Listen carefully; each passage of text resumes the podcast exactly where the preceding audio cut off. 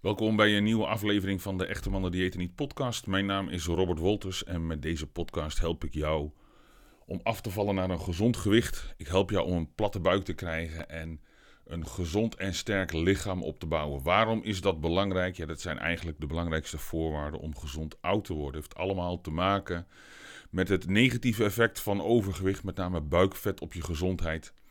En de belangrijke rol die je spieren spelen in het bereiken van een hoge leeftijd. In deze podcast wil ik ehm, eigenlijk de, de, de basis vertellen van wat afvallen nou eigenlijk is. En het is best wel gek dat ik na een jaar lang lullen en schrijven dat niet eerder heb gedaan.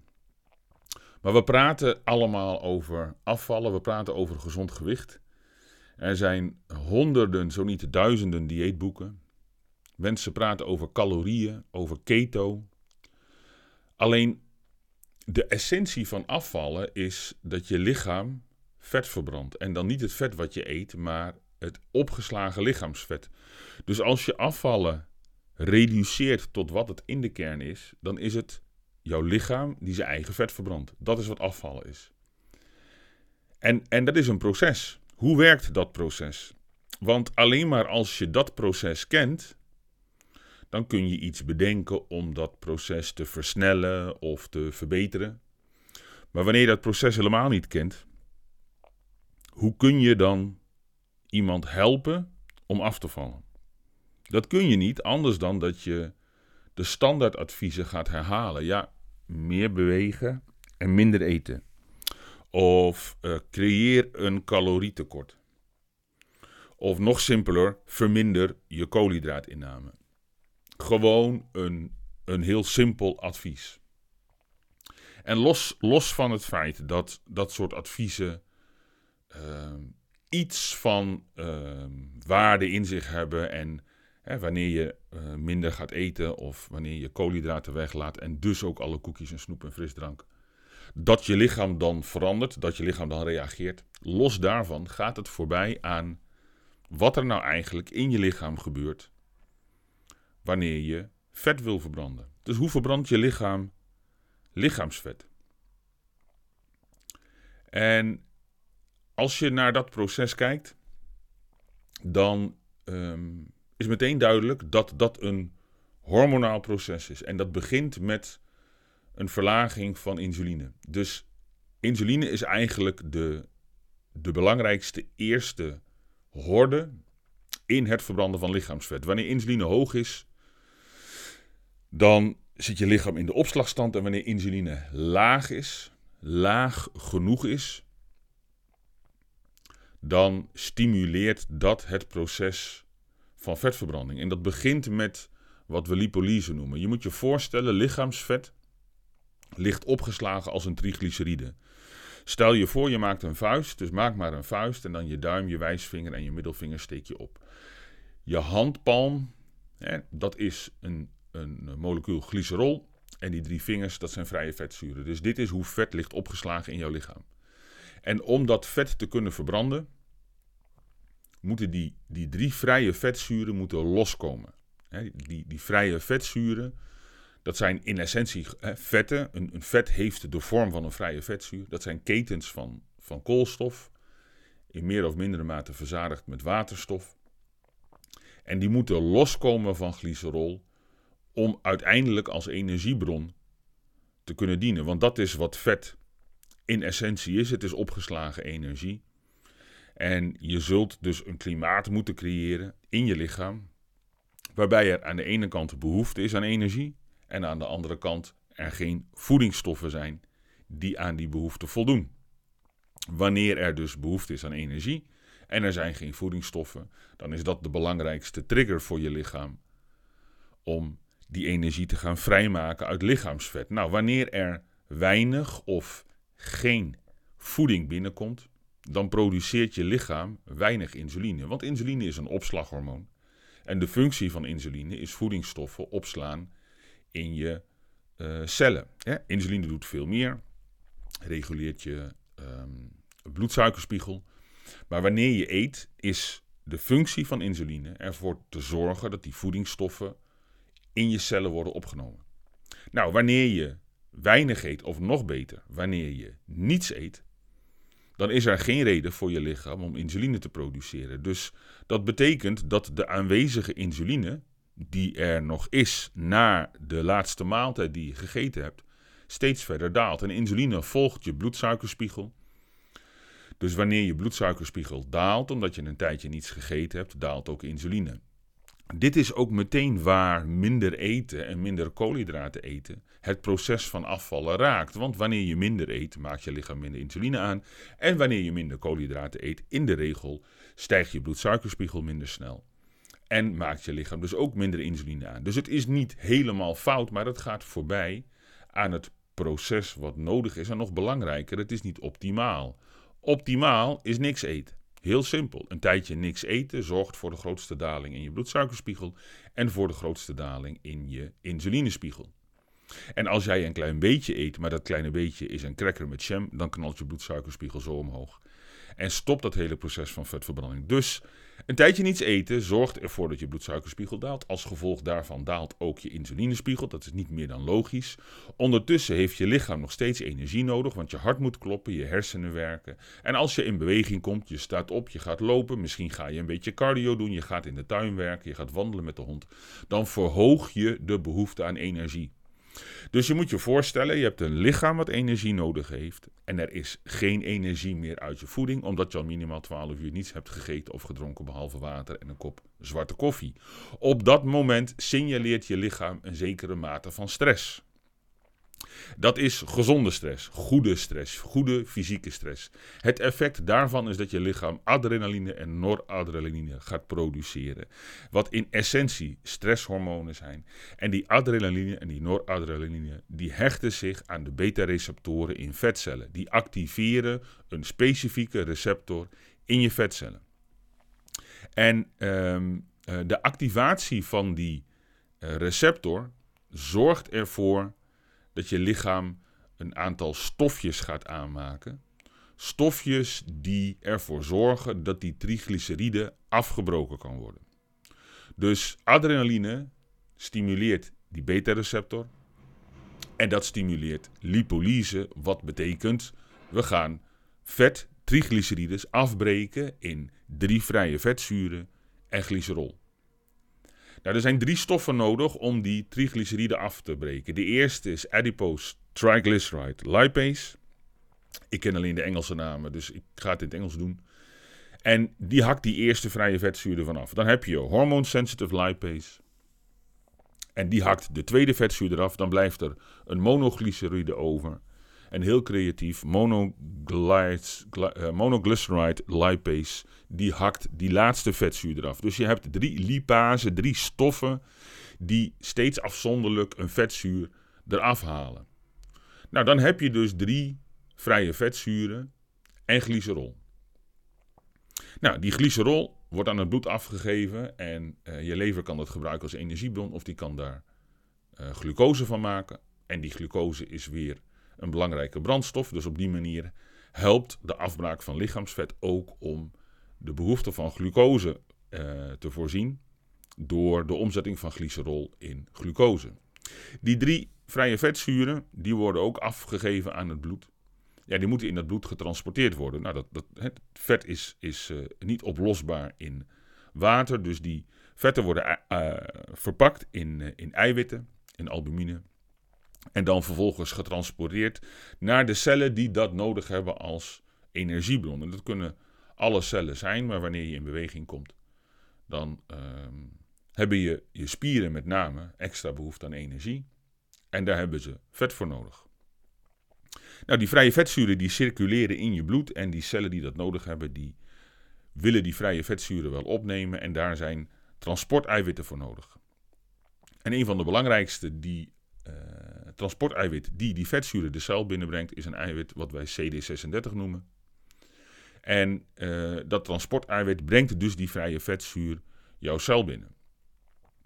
En uh, die transporteiwitten, er zijn meerdere uh, eiwitten, meerdere aminozuren die een rol spelen in het transporteren van vetten uit het bloed de cel binnen, die, die zijn een belangrijke factor in hoe efficiënt jouw lichaam is om vet te verbranden. Dus je moet je voorstellen dat je moet al, al zorgen dat insuline laag is. Nou, wanneer je insulineresistent bent, is insuline niet echt laag. Dus dat maakt het, het losmaken van die, van die vetzuren maakt al lastig. Dan moeten die vetzuren getransporteerd worden en die moeten ook opgenomen worden. En daar zijn ook weer specifieke stoffen voor nodig. En die, die CD36 bijvoorbeeld, die reageert heel erg sterk op uh, je, je, je cardiovasculaire conditie. Dus hoe beter getraind jij bent, hoe meer van die CD36 er in je spiercellen zit. En een acute intensieve training zorgt ook voor een blijvende verhoging van de hoeveelheid van dat transporteiwit, waardoor je ook in die periode na een training meer vet verbrandt. Daarnaast weten we dat vrouwen een, een hogere concentratie hebben van dat eiwit dan mannen en dat komt door een hogere concentratie oestradiol. dus vrouwen zijn eh, efficiënter wanneer ze een inspanning gaan doen, efficiënter in het lang blijven verbranden van vetten, uh, in het lang kunnen opnemen van die vetten dan mannen. En dat komt door oestradiol. Nou, dat, dat, dat, dat betekent Hè, dat wanneer je bijvoorbeeld een testosterontekort hebt als man, hè, en testosteron is de grondstof oestradiol, dat je dus minder efficiënt bent in het verbranden van vet, omdat je te weinig oestradiol in je lichaam hebt. Het betekent dat als jij een slechte conditie hebt, ja, dat je gewoon minder van die transporteiwitten aanmaakt, waardoor je lichaam niet echt goed is in vetverbranden. En dat is precies wat je ziet. Hè? Mensen met fors overgewicht, die kunnen van alles doen. Die vallen bijna niet af. Waarom? Ze hebben veel te veel insuline. Ze zijn in de regel veel te weinig actief en hebben een slechte conditie. En zeker voor mannen geldt ook dat ze een testosterontekort hebben. En daardoor veel te weinig oestradiol hebben om genoeg van die transporteiwitten aan te maken. Dus je lichaam is gewoon heel erg slecht in vetverbranden. En dat zie je, want wat je ook doet, je verliest geen vet is allemaal heel goed te verklaren wanneer je dit proces kent. Ehm, ehm, die daling in oestadiol die vrouwen merken in de overgang is ook de belangrijkste reden waarom ze een paar kilo zwaarder worden. Ja, je, je, je mist dan gewoon de stoffen die nodig zijn om efficiënt vet te verbranden. Dus dat met elkaar uh, zijn een aantal factoren die bepalen hoe goed je in staat bent om die vetten die cellen in te krijgen. Nou, vervolgens heb je dan een vrije vetzuur in een cel. En uh, ik heb al gezegd, een vrije vetzuur is in essentie, als je daarnaar kijkt, is scheikundig gezien een keten koolstofatomen. Dus zie dat maar gewoon als een kralenketting. En iedere kraal is een koolstofatoom. Maar je hebt, je hebt korte ketenvetzuren, je hebt middellange ketenvetzuren en lange ketenvetzuren. En, en uh, afhankelijk van welk soort vet het is, is die compleet of niet compleet verzadigd met waterstof. Dus dat maakt waarom iets enkelvoudig, meervoudig uh, onverzadigd is of verzadigd. Dat heeft allemaal met de chemische structuur te maken. Nou, die chemische scheikundige structuur is ook weer bepalend voor hoe efficiënt in die cel uh, dat, dat vet uh, opgeknipt uh, kan worden in de mitochondriën. Dus je moet je voorstellen, die, die vetzuren die komen die cel binnen. En die reageren daar met een aantal enzymen om ervoor te zorgen dat ze later in het proces opgeknipt kunnen worden. Dus wanneer je een, een middellange keten hebt, bijvoorbeeld uh, 12 koolstofatomen, dan moet dat opgeknipt worden om uiteindelijk energie te kunnen genereren. En dat opknippen, dat noemen we beta-oxidatie. Dat is het proces waarin in de mitochondriën die lange ketens worden opgeknipt.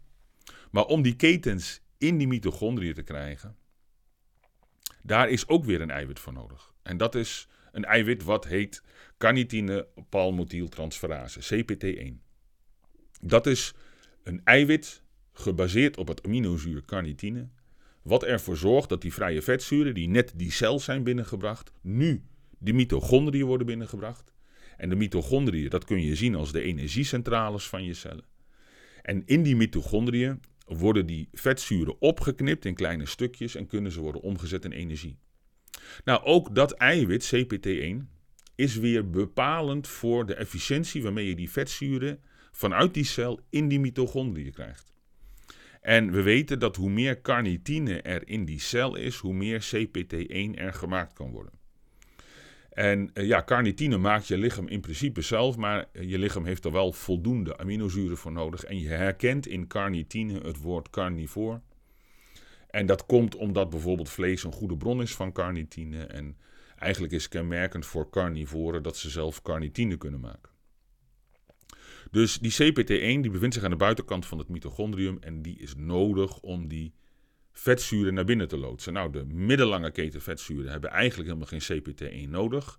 Misschien heb je wel eens gehoord van MCT-olie of heb je gehoord van middellange keten vetzuren in kokosolie. De betekenis daarvan is dat de ketens een dusdanige lengte hebben dat ze heel makkelijk die mitochondriën binnenkomen.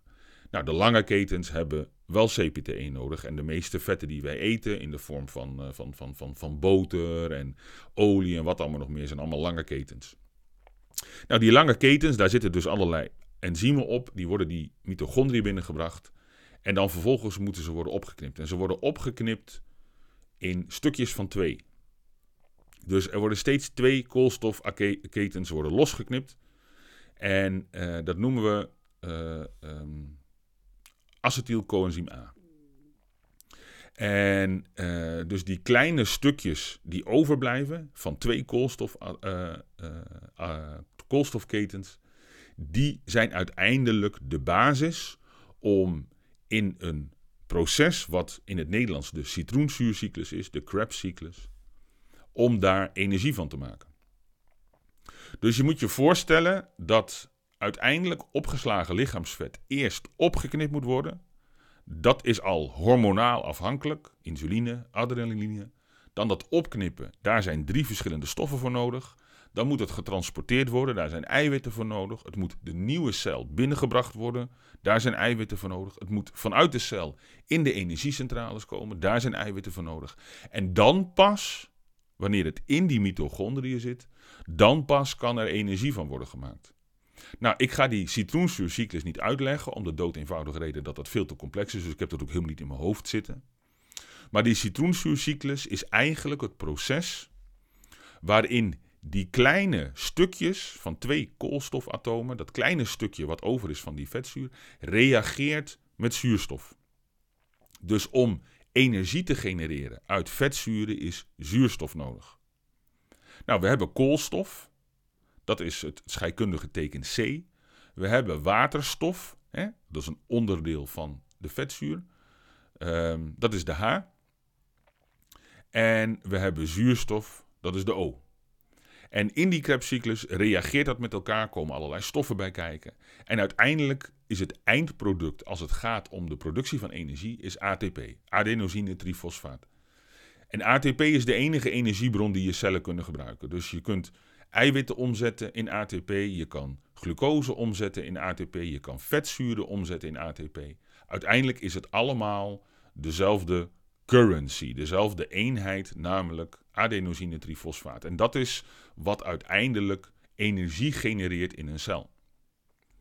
Maar, ik heb je al gezegd, we hebben een chemische reactie van koolstof, waterstof en zuurstof. Dus er blijven um, atomen over. Het is niet allemaal ATP, er blijven stoffen over. En uit die koolstof, die C, uit die waterstof, die H, en uit die zuurstof, die O, worden twee stoffen gevormd. Twee hele bekende, namelijk water en koolstofdioxide, scheikundig H2O en CO2.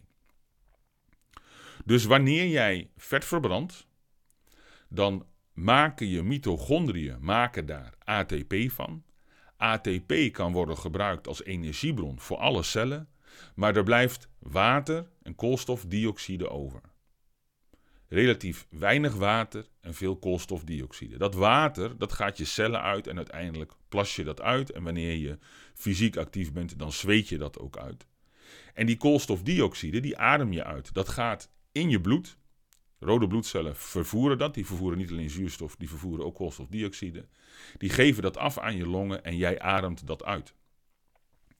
En ja, dat, je, je merkt dat ook hè, wanneer je intensief sport. Dan, punt 1 merk je dat je wat vaker dan normaal naar de wc moet. Hè. Dat komt door de afbraak van glycogeen, maar ook door de productie van energie, waardoor er water vrijkomt. Dat moet uit je lichaam. Maar je merkt ook dat je gaat hijgen. En dat hijgen komt om meer zuurstof naar binnen te krijgen, zodat die mitochondriën veel zuurstof hebben om eh, ATP te maken, maar ook om CO2 uit te ademen, om die, die, die eindproducten van die energieomzetting, om die ook af te kunnen voeren. En je voelt ook dat je hart sneller gaat kloppen. Dus die hele machine die die energie produceert, die gaat harder werken. En um, ja, je weet vast dat hoe intensiever je sport, hoe lastiger het is voor je lichaam om de energie nog helemaal uit vetten te halen. Dus uiteindelijk gaat ook glucose gaat die uh, citroenzuurcyclus in. Nou, dat is een heel ander verhaal. Dat heeft niks te maken met, met hoe je lichaam vet verbrandt. Als je puur kijkt naar dat proces van vetverbranding, kun je zeggen dat je lichaam in rust en wanneer je matig actief bent, naar verhouding het meeste vet verbrandt. En dan met name ook het vet wat opgeslagen ligt onder je huid. Hoe intensiever je sport, hoe meer je lichaam vet haalt uit de, de intramusculaire vetreserves. Wat natuurlijk logisch is, want als je spieren snel energie nodig hebben, dan gaan ze niet naar je buik. Dan gaan je spieren naar de vetreserves in die spiercellen zelf. Hè? In en om die spieren zelf. Dus uiteindelijk, als je kijkt naar het proces van vetverbranding, als je dat wilt stimuleren, is het allerbelangrijkste dat je gewoon geen voeding in je hebt, waardoor je bloedsuikerspiegel laag is en je insulinespiegel laag is. En dat je dat energieverbruik een beetje verhoogt. Dat zorgt ervoor dat die processen hormonaal gezien geoptimaliseerd worden en dat je door middel van lipolyse het vet los krijgt en in je bloed krijgt, vervolgens via transporteiwitten je cellen binnen, in je mitochondriën en daar het proces van beta-oxidatie, waarin die lange ketens worden opgeknipt in kleine ketens, energie wordt geproduceerd en uiteindelijk de, de atomen plas je uit en die adem je uit. En het merendeel adem je uit. Nou, nou zijn er slimme mensen tussen aanhalingstekens die zeggen, nou, dus je moet zorgen dat je heel goed, heel flink ademt, want dan verbrand je meer vet. Dat is natuurlijk onzin. Die vetverbranding gebeurt op basis van de behoefte aan energie. Alleen je kunt wel zeggen dat hoe beter je conditie is, dus hoe meer zuurstof je kunt opnemen, hoe meer die vetverbrandende capaciteit van je lichaam. dus als je kijkt dan naar, naar het proces van afvallen, op basis van het proces van vet verbranden in je lichaam, dan is het logisch dat je een tijdje niets eet, want dat is de beste manier om insuline te verlagen. Het is logisch dat je nuchter gaat bewegen, want dan, verbruik je, dan verhoog je het energieverbruik in je lichaam. En, en, en als je af en toe wat intensiever gaat sporten, dan zorg je ook voor een verbetering van je conditie en dat maakt je beter in vetverbranding. En wanneer je testosteron optimaliseert, dan zorg je ook voor optimale hoeveelheden oestradiol in je lichaam. En dat helpt om die transporteiwitten aan te maken. En, en we weten dat als je intensief gaat sporten, dus je doet af en toe intervaltraining of intensieve krachttraining, dan maakt je lichaam ook nieuwe mitochondriën aan. En die mitochondriën, dat zijn de plekken waar je lichaam uiteindelijk vet omzet in energie. En als je met gewichten gaat trainen, dan bouw je meer spiercellen op. Dus jouw totale vetverbrandende capaciteit neemt toe. Daarnaast, als je intensief traint, is je lichaam 2, 3, 4 dagen bezig met extra energieverbruik. Hè, in het kader van herstel. Waardoor je 24 uur per dag meer vet verbrandt. En je uiteindelijk dus ook steeds beter wordt in afvallen. En dat is, dat is het grote verschil tussen wat ik met echte mannen diëten niet doe. En wat eigenlijk de de, de gebruikelijke oplossingen zijn. Wat uiteindelijk niks anders is dan een variatie van meer bewegen en minder eten. Ik help je om je lichaam steeds beter te maken in vetverbranden zodat je nu afvalt, maar ook over drie maanden of over zes maanden of over een jaar. Je lichaam wordt steeds efficiënter in het gebruiken van lichaamsvet. Dat is ook de reden dat ik uh, inmiddels al tien jaar hetzelfde gewicht heb. Ik ben van 142 kilo afgevallen naar 105. Dat heb ik uh, voor mijn 40ste verjaardag gedaan. En, en um, uh, ik heb nog steeds hetzelfde gewicht. Het is misschien 2, 3 kilo zwaarder door de extra spiermassa die ik sinds die tijd heb opgebouwd. Maar het is heel makkelijk en het is helemaal niet afhankelijk van, van, van nooit gebak of nooit chocola of nooit patats. Allemaal, allemaal, als je insulineresistent bent, moet je dat gewoon laten staan een half jaar. Maar wanneer je lichaam een gezond gewicht heeft, wanneer jij je lichaam geleerd hebt om optimaal vet te verbranden, dan kom je met heel veel onzin weg. Het, het, het begint niet bij uh, wat je eet. Uiteindelijk begint het vooral met een lange tijd vasten en een kortere periode eten, nuchter bewegen en ervoor zorgen dat je hormonaal een klimaat creëert waarin je optimaal vet verbrandt. En als je dan vervolgens dat klimaat niet verstoort door te stoppen met het eten van onzin. En wanneer je vervolgens het lichaam geeft wat het nodig heeft, zodat je in die periode, wanneer je aan het eten bent, niets tekort komt, dan zorg je voor een optimale energieomzetting. Hè? Dan zorg je voor een optimale functie van je schildklier, maar je zorgt ook voor de opbouw van gezonde cellen in je lichaam. Je zorgt voor de opbouw van nieuwe spiercellen. Ja, dat is allemaal nodig om je lichaam in een gezonde balans te houden. Dus ja, die vier pijlers van echte mannen diëten niet. Het hele concept is gebaseerd op het proces van vetverbranding. En wanneer je dat proces kent, kun je dat proces optimaliseren en dan ben je veel gerichter aan het werk. Je bent dan, je bent dan een scherpschutter in plaats van dat je met een schot hagel in de lucht schiet in de hoop dat je een vogel raakt. En, en ehm, ja, dus ook als je, als je een trainer of een coach bent, zorg dat je dat proces snapt, zodat je op al die losse onderdelen kunt interveneren en iemand ook echt kunt helpen in plaats van blind achter het, het dogma van de caloriebalans te lopen. Wat, wat de kern niet is, maar een klein beetje raakt. Maar ik zie zelfs mensen met een PhD die, die wetenschappelijk onderzoek doen, nog steeds dezelfde zinnen herhalen. Waarbij ik denk, ja, je, je snapt het in de kern nog steeds niet. Je snapt nog steeds niet dat de processen weliswaar beïnvloed worden door wat je eet en hoeveel je eet, maar dat dat geen reet te maken heeft met de calorie, maar te maken heeft met de invloed van wat je eet en hoeveel je eet op je hormonale systeem. En als je dat snapt, dan kun je teruggaan ontleden wat je nodig hebt om af te vallen. En, en het mooie is dat dat dan heel erg natuurlijk gaat. Mijn ervaring ook in de begeleiding van mensen via het programma van Echte Mannen Diëten niet, is dat dat dan heel natuurlijk gaat.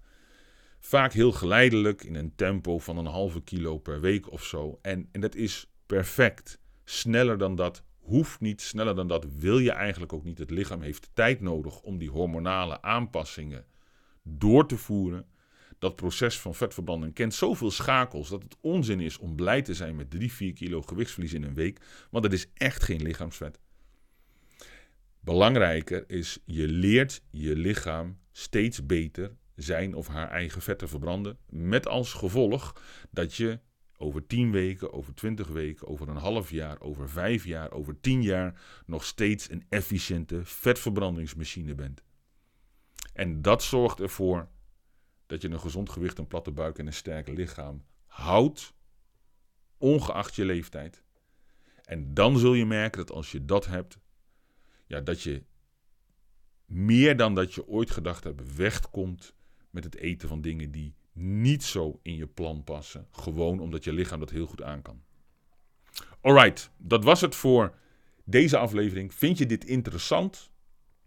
Deel dit dan met andere mensen. Daar vergroot je mijn bereik mee. Dat is goed voor, uh, laten we zeggen, de, de, de plaatsing van deze podcast. Je kunt een review achterlaten op je favoriete platform. En wil je hier meer over lezen? Ga dan naar mijn website en klik op blog in het menu. Dan kun je naar de blog die gaat over hoe je lichaam vet verbrandt. En dan heb ik een aantal leuke plaatjes die het allemaal illustreren. En dan kun je het nog eens teruglezen. Dat was hem voor nu. Peace.